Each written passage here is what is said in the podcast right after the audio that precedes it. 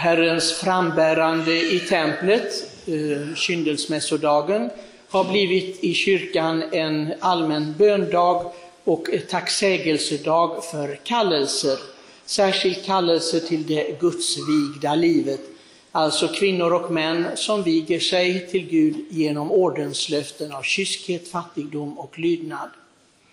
Men i större bemärkelse så är det en eh, tacksägelsedag för vår allmänna kallelse som döpta, att tillhöra Guds rike och att verka för Guds rikes utbredande.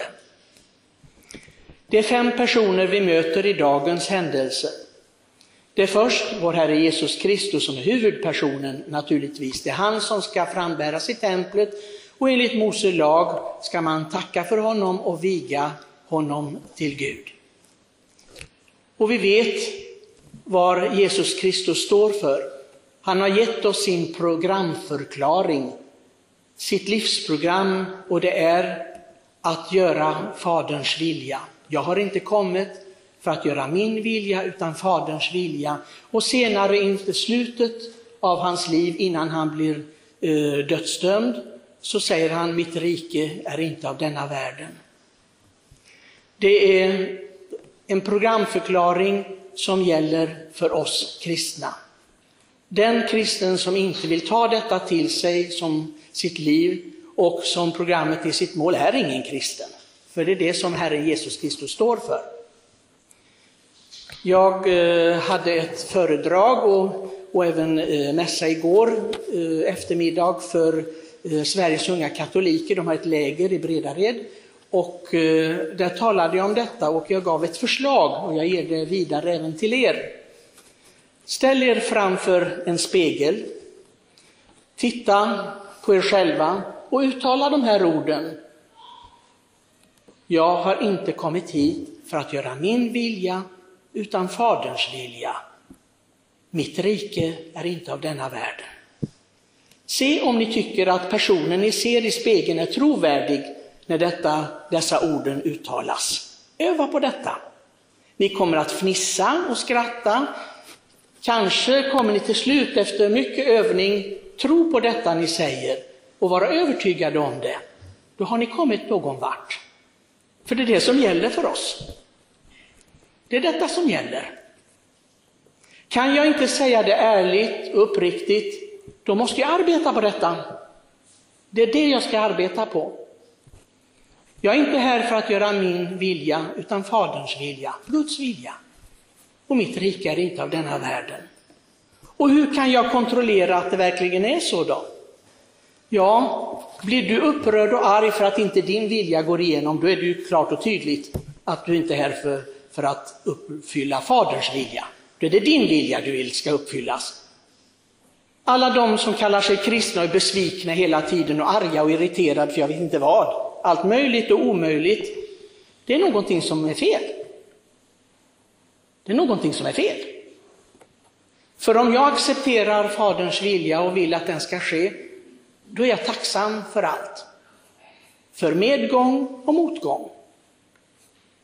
Och om jag liksom, bara en sån enkel sak att vi blir upprörda och arga för jag vet inte minsta småsak, och så, kan jag då säga mitt rike är inte av denna världen? Jag kommer ihåg en medbroder som vi hörde honom, ja det var inte här, det var i Italien. Och han blev så arg, vi fick höra honom skrika, då hade han tappat någonting i golvet i köket och någonting. Han blev så arg. och jag gick dit och undrade, har du gjort dig illa? Nej, men nu har jag tappat den här skålen igen. Och så, vad spelar det för roll? Det är en, det är en skål. Det är en, det är en sak, det är ett föremål. Vad spelar det för roll? Och du som har levt i kloster i så många år, du, du borde väl liksom leva över den på en helt annan nivå. Kan du bli arg och upprörd över sånt? Om du ska bli arg och upprörd, var arg för att du syndar. Det ska du vara arg och upprörd över. Att du gör fel, att du sviker Herren, det är någonting att bli arg och upprörd för. Men för att man slår sönder en sak eller tappar något, vad är det för någonting? Det betyder alltså att jag är så fast greppad i den här världen att jag vill inte släppa tag i det. Då är mitt rike av denna världen. Då, är det, då kan jag inte säga med Herren Jesus Kristus och som kristen måste jag kunna ha samma för, programförklaring.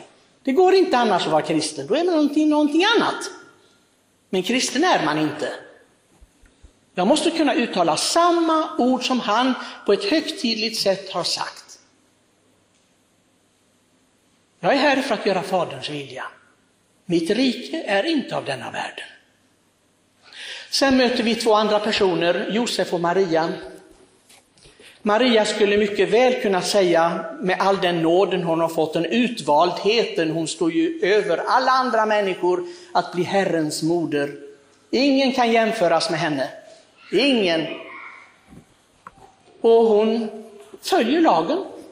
Hon uppfyller Mose lag. Hon skulle mycket väl kunna säga, nej, den där lagen, det gäller inte mig. Jag står över den. Men det gör hon inte. Hon lyder Mose lag, för detta är som Herren vill. Och man tänker på alla de som kallar sig kristna, som ställer sig över Herrens lag, ganska så lättvindigt. För att vara konkret, på SUK-lägret igår, Sveriges unga katolikers läger, så var jag tvungen att ta några konkreta exempel, för de är mig att göra.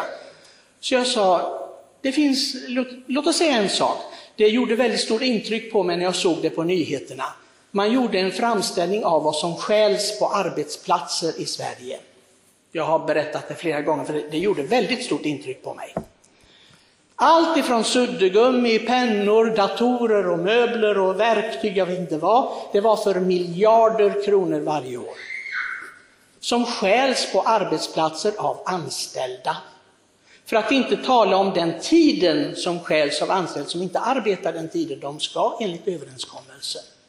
För de tycker, nej men jag får inte tillräcklig lön, jag får inte tillräcklig ersättning för det jag gör och för min kompetens. Ja, de kan resonera hur de vill, men de stjäl. Gud har gett oss ett bud, du skall inte stjäla. Jag vet inte hur man resonerar sig fram till att kunna liksom dispensera sig själv från Guds lag. Jag, jag vet inte hur man resonerar då. För för mig är det ganska tydligt, det finns tio budord. Vi har inte hundratals. Vi har tio budord, de sammanfattas i det dubbla kärleksbudet, som vi alla vet, men de är specifika de här tio budorden. Och det är det som vi har att hålla oss till. Och Maria och Josef visar här att de följer Herrens lag. De ställer sig inte utanför eller ovanför Herrens lag. Det ska uppfyllas. Hur värdiga de än är, hur hög dignitet de än har. Men Herrens lag ska följas. Och de möter två andra personer som vi hörde i evangeliet, Simon. Simon får vi läsa om 2000 år efter hans existens på jorden. Det finns nog många som gjorde väldigt underbara saker på hans tid och som uträttade saker för samhällets och medmänsklighetens bästa. Men de är inte nämnda i det här viktiga evangeliet, inte nästan i något. Men han, den här gamle mannen, det enda han gjorde var att längta efter Herren. Tänk om någon av er liksom ska använda er tid bara för att längta efter Herren och då skulle folk fråga, ja, vad sysslar du med då? Jag väntar på Herrens frälsning. Och då skulle de nog tänka, vilken parasit. Gör ingenting. Vad, vad gör den människan för nytta? Men Herren upphöjer den här människan som har förstått existensens mening, att vänta på Herren, att längta efter hans närvaro och vad han uppfyller, det som han lovar. Och det är det som gör Simon så stor. Större än alla sina jämlikar där som bodde med honom och verkade med honom. Han väntade efter Herren. Och den sista personen, en gammal änka, Hanna i templet. Det står att hon vek aldrig från templet dag och natt. Jag tror inte att hon fick vara där i templet dag och natt. Och det är nog heller inte det som är meningen. Men hon ville så att säga ha sitt liv som en tjänst för Herren i templet. Och Paulus, aposteln Paulus, han förklarar ju vad templet är. Det är inte det så att säga materiella templet i Jerusalem och det intresserar ju inte Herren heller. utan Paulus säger det är ni som är detta tempel. Ni är detta tempel. Att aldrig vika från templet, det betyder att vår tro, vår gemenskap med Gud inte bara är någonting som är deltid, någonting som är fragmentariskt. Lite då och då, ah, när man kommer till kvällen, har jag bett någonting idag? Eller har jag bara liksom tänkt på allt vad jag skulle göra och min oro och mina program och vad det nu är nu. Och så har det blivit ett sammelsurium av allt möjligt. Ja, vi har liksom gjort det som Herren varnar för, oroar inte för någonting.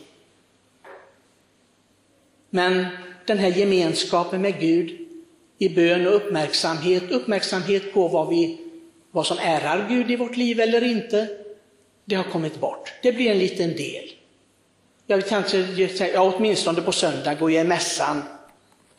Men den här kvinnan, hon spenderade hela sin tid i gemenskap med Gud.